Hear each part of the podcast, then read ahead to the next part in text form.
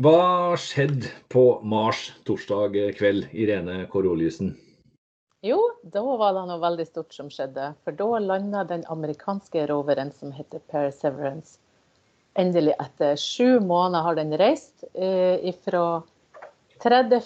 juli i fjor så var det launch med en Atlas-rakett, og den har reist nå kjempelangt. Mange, mange millioner kilometer. Og endelig så lander den torsdag kveld.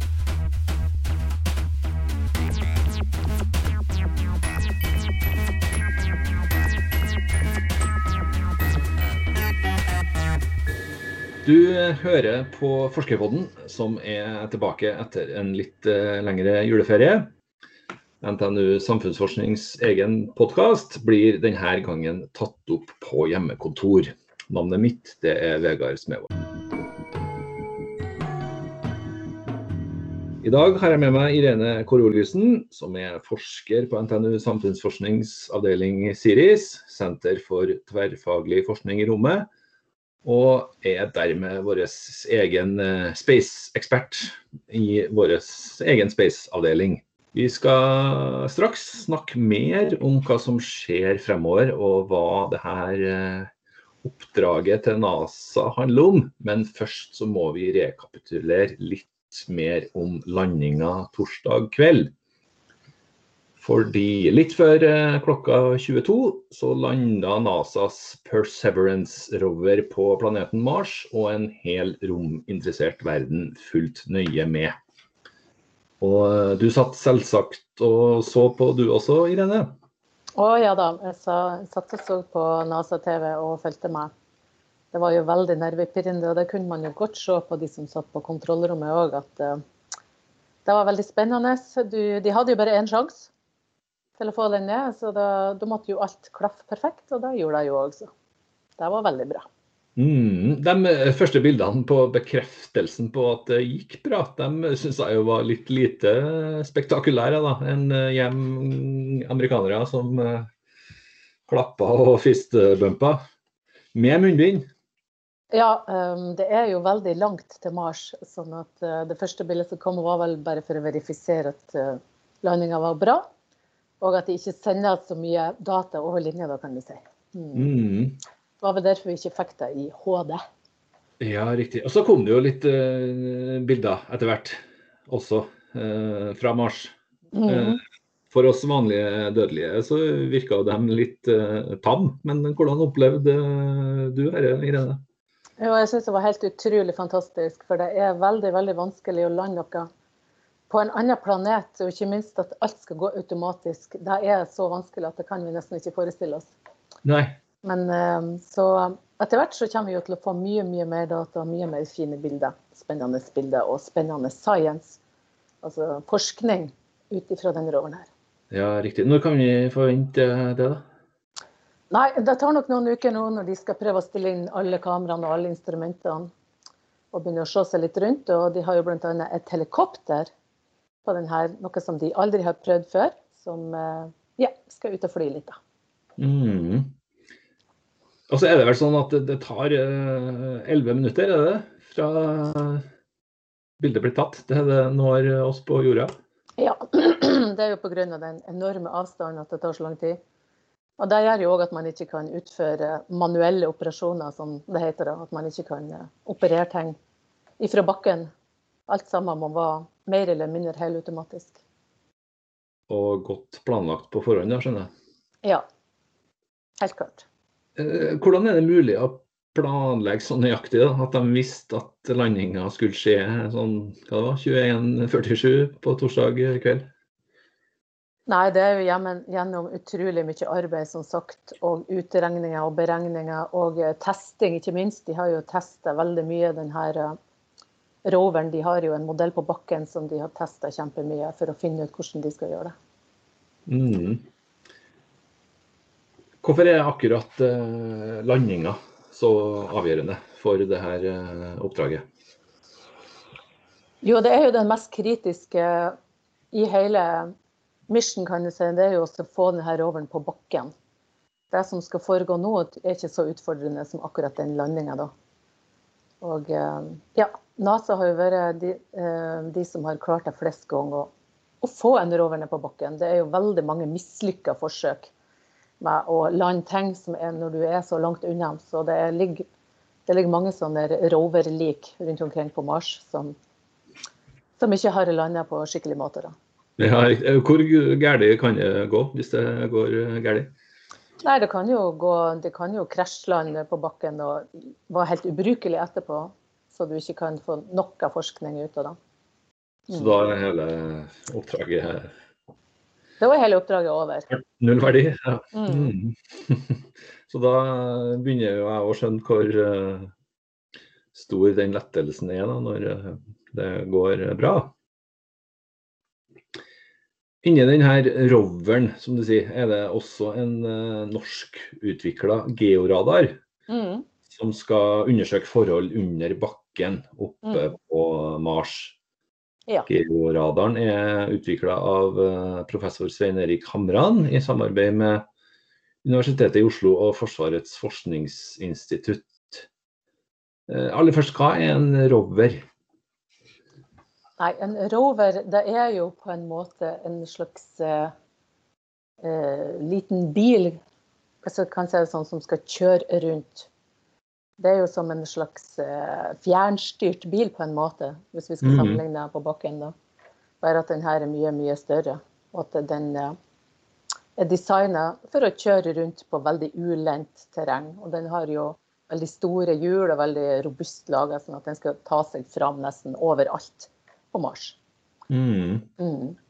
Og i denne roveren så er det en uh, norskutvikla radar. Mm. Den radaren RIM-FAX, som den heter, det Mm. syns jeg er veldig tøft. At den er, har fått navn etter eh, norsk mytologi. Ja, riktig. Den, den kan penetrere helt ned til ti meter i bakken på Mars. Og eh, vi vet jo veldig lite om hvordan Mars ser ut inni. Så det er veldig spennende å få se hva som foregår i de lagene under. For det, det er jo mye støv på Mars, og det kan jo være ting under det som er veldig spennende å få fram. Som vi nå får kartlagt med RIM-FAX. Så den skal seg nedover, eh, rett og slett. Den skal ta bilder, ja. Mm, mm. Ned i bakken. Og ikke nok med denne georadaren. Da, så jeg har forstått det sånn at eh, altså en trønder er involvert, som er pilot. Ja, det Håvard, helikopter. Håvard Grip han er piloten på helikopteret. Og det er jo òg en annen superspennende ting som er utvikla for å fly og ta bilder på Mars. Og den skal vel fly sånn ca. tre meter over bakken. Og her òg snakker vi om en helautomatisert eh, operasjon. da. Ja. Og de har jobba veldig mye med å få til det her helikopteret, fordi atmosfæren på Mars er jo ikke som atmosfæren på jorda. Så det er veldig utfordrende å fly i akkurat den atmosfæren. Mm. Mm. Men på hvordan måte er atmosfæren eh, annerledes? Det er bare ca. 1% av det det er på jorda. Det betyr at det er veldig veldig tynn atmosfære. Den er like tynn som ca. 35 km opp fra jordoverflata. Så det er veldig veldig tynn, tynn luft. Tynn luft. Så, ja, så det blir litt lite løft. Mm. Mm. Hvordan har eh, flere norske miljø klart å bli med på dette uh, oppdraget? Nei, de har jo eh, søkt eh, når det har vært utlysninger som har kommet fra NASA, der eh, de søker etter eh, forskere som er interessert i å gjøre forskning. Og der de har rett og slett levert en søknad som de har fått innvilga. Som har gjort at de kunne fortsette arbeidet med å utvikle den hardwaren som skal til for å gjøre de undersøkelsene. Mm. Mm. Gjør sånne oppdrag at uh, Norges eh, rommuskler blir både enda større og lagt uh, merke til? Da. Ja, det vil jeg si. Det beviser jo at vi har uh, absolutt både vi har kunnskap og vi har teknologi som kan være med og, ja, og gjøre sånne type undersøkelser på, ja, når det gjelder romforskning. Da. Mm. Kunne også vi i NTNU Samfunnsforskning og Siris ha vært med? Ja, absolutt. Absolutt. Sendte dere inn søknad? Nei, vi sendte ikke inn søknad akkurat til Mars-roveren. Men eh, vi utvikla jo utstyr for den internasjonale romstasjonen, så vi er helt klart med, med på denne type utforskning. Ja. Mm. Men det føles som en seier da, for hele miljøet i Norge, vil jeg tro. At ja, jeg syns det er kjempestort. Det er veldig, veldig stort. Og jeg er stolt ut av at Norge er med på å utvikle sånt utstyr som vi skal ha på Mars. Mm. Hvor lenge varer dette oppdraget nå, i tida framover? Dette oppdraget skal vare tror jeg, et marsår som er 1,8, nær sagt nesten to jordåret. da. Så skal okay. den kjøre rundt i Jezero, eh, som har vært en eh, innsjø tidligere. Og Det er derfor de har landa der, for det er veldig spennende med sånne sedimenter fra innsjøer der de kanskje tror at det kan være tegn til liv gjemt nede i sedimentene. Ja, riktig. Hvorfor eh, et marsår? Nei, det vet jeg ikke akkurat hvorfor de har valgt det, men det er vel Det har de vel planlagt tidligere. Hvor lang tid de bruker på å kartlegge de forskjellige tingene og teste ut. Mm, ja, riktig. Kan du si noe mer om hva de forventer å finne? Eller skal jeg si, si hvem, kanskje? Ja, De skal jo uh, som sagt bruke forskjellige typer kamera og, og den radaren. Og samtidig skal de plukke opp Eh, prøver ifra bakken. Det er jo kjempespennende. Mm. Så den roveren skal kjøre rundt. Den har en arm, så den skal eh, plukke opp jord rett og slett fra Mars-overflata, som den skal forsegle, og som den skal la ligge igjen på bakken. For det er meninga at eh, en senere mission skal komme til Mars og plukke opp de her prøvene her, og så få de tilbake til jorda. Mm. Og det man er ute etter, det er jo å finne tegn til at det har vært liv på Mars før. Eh, man vet jo at det har vært vann på Mars, og at eh, klimaet har vært mye likt sånn som det var på jorda. Så tidligere hadde Mars òg en kjerne, og den hadde en kjerne som var flytende, som gjorde at den hadde et magnetfelt. Så man tror at det kunne ha vært lignende miljø på Mars som på jorda. Ja, riktig. Så det, det er ikke noe håp om å treffe på IT nå, men han kan ha vært der? Jeg vet ikke akkurat i tid, men det de leter etter, det er jo selvfølgelig pittersmå fossiler, kanskje av organismer eller uh, kjemiske signaturer som gjør at du kan si at her har det vært liv. Da. Mm. Mm. Hvordan eh, vil du kategorisere dette oppdraget? Hvor viktig er det i hvis du sammenligner med tidligere slike oppdrag? Jeg vil si at det her er kjempeviktig for hele menneskeheten. For det her med å finne liv utenfor jorda, det har jo vært et stort spørsmål bestandig. Menneskene lurer jo bestandig på hvor vi kommer ifra og livets opprinnelse. Og det er jo sånne kjempestore spørsmål som vi ennå ikke har fått noe svar på. Å finne liv eller signaturer på at det har vært liv på Mars, det vil eh, gjøre noe med Ja, det vil ha, ha stor innvirkning på hele menneskeheten, tror jeg. Og så er det jo sikkert eh, en del onde tunger da, som lurer på hvorfor vi skal drive med det her nå.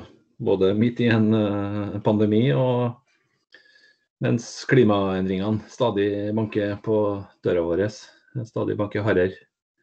Hva... Jeg tenker ikke at eh, det er noen motsetning. Man må Nei. kunne ha to tanker i hodet. Og ja, det er kanskje mange sier det er dyrt. Fremdeles er det bare tre promille av det amerikanske militærbudsjettet, f.eks.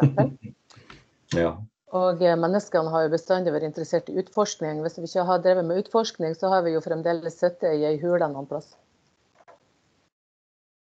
Det skal en tro. Eh, Norge er med vi var kanskje så vidt eh, inne på det, men eh, kan dette være et steg i retning mot at Norge er enda tyngre med på sånne internasjonale oppdrag i romfarten? Ja, ja, det vil jeg si. At nå knytter vi kontakter og vi får bevist for våre partnere at vi er i stand til å ha den kunnskapen og den teknologien som skal til for å være med på sånne oppdrag. Så da er helt klart at da er det mye lettere å bli spurt neste gang. Mm. Kan vi få en uh, norsk uh, astronaut snart, da? Ja, det håper jeg jo. Det ESA har jo utlyst nå Så nå er det jo, er det jo på leting etter nye astronauter, og, eh, og det kan liksom godt bli en uh, nordkvinne eller en nordmann, som det blir hvem som helst annen europeer. ja, riktig. Jeg tror jeg er for høy, dessverre. Og kanskje litt for gammel. Eh, jeg tror det var 50 år som var grensen, så det er sjanse for deg òg. Oh, ja, OK, sier du. Ja. Hva er NTNU samfunnsforskning og Siris eh, planer fremover nå for å, for å kunne vise oss frem like mye som de andre norske miljøene som har fått mye oppmerksomhet denne uka her? Ja, som sagt så har vi jo to store prosjekter. Vi utvikler utstyr. Vi har òg fått innvilga et nytt prosjekt som går på utstyr i forhold til eh, ja, teknologi og uh, livsstøttesystem på månen. Så vi er helt klart med på det her. Og uh, ja, det blir veldig spennende nå framover, og når koronaen endelig blir over, at vi kan fortsette arbeidet for fullt. da. Dere er avhengig av litt uh, internasjonalt samarbeid, skjønner jeg, som har vært uh, litt mer krevende nå når det må foregå på Teams? Ja, det har vært, og mange av partnerne våre har jo òg stengt ned nå pga. koronaen. Så det har vært mye forsinkelser og utsettelser i prosjektene. Mm. Du sa til meg før jeg trykte på rekk-knappen her at du feira med et lite glass champagne på torsdag kveld når landinga gikk så bra som den gjorde. Hvor mye tid skal du bruke på å følge med på bildene som kommer fra Mars nå? Nei, jeg kommer til å følge meg innimellom. Det er klart det er veldig spennende. Så jeg tror nok jeg vil eh, prøve å melde meg på og få mail når det er noe som foregår. da, Sånn at jeg kan bli oppdatert underveis. Så det finnes ei e-postliste der du kan få info. Det gjør det. Eh, det her er jo NASA, som er USAs eh, statlige romfartorgan. Eh, så skjønner jeg også at det er flere og flere private aktører som blir med. Hva kan du si om det? Ja, eh, det, jo, det, vris jo over til mer kommersialisering vil jeg si, i romfart. Der eh, det er, blir flere og flere private aktører. og F.eks. SpaceX er jo den største da, som, er, som eh, har utviklet teknologi som er helt fantastisk. Så um, det her med raketter som kan lande igjen så man, man sparer liksom halvparten av budsjettet. fordi Før så måtte man liksom regne med at Og ikke kunne bruke det på nytt igjen, da, kan du si. Så jeg tror nok at det er muligheter nå mer framover for private selskap som vil utvikle deler, eller ja, kanskje litt større eller mindre ting. At man kan bidra med Det kan være alt mulig på, fra elektronikk til hardware til ja, de fleste Ja, det som skal til den industrien som er nå. Det kommer til å bli mer og mer kommersialisert, det tror jeg. Mm, og det er du positiv til også? Ja, som sagt, han Elon Musk han har jo bevist at han, de er fylt i stand til å, til å, utvikle utstyr som kan fly. Så da, da tror jeg ja. Mm. Mm. Det blir spennende å se på bilder som eh, dukker opp fra Mars fremover. Og så blir det selvfølgelig også spennende å følge Siris sitt arbeid. Takk for eh, praten, Irene Karoliussen. Eh, navnet mitt er Vegard Smevold. NTNU Samfunnsforsknings egen podkast heter Forskerpodden. Du kan uh, følge oss på Facebook og Instagram. Og så hører du podkasten på alle mulige plattformer for podkast. Vi høres neste gang.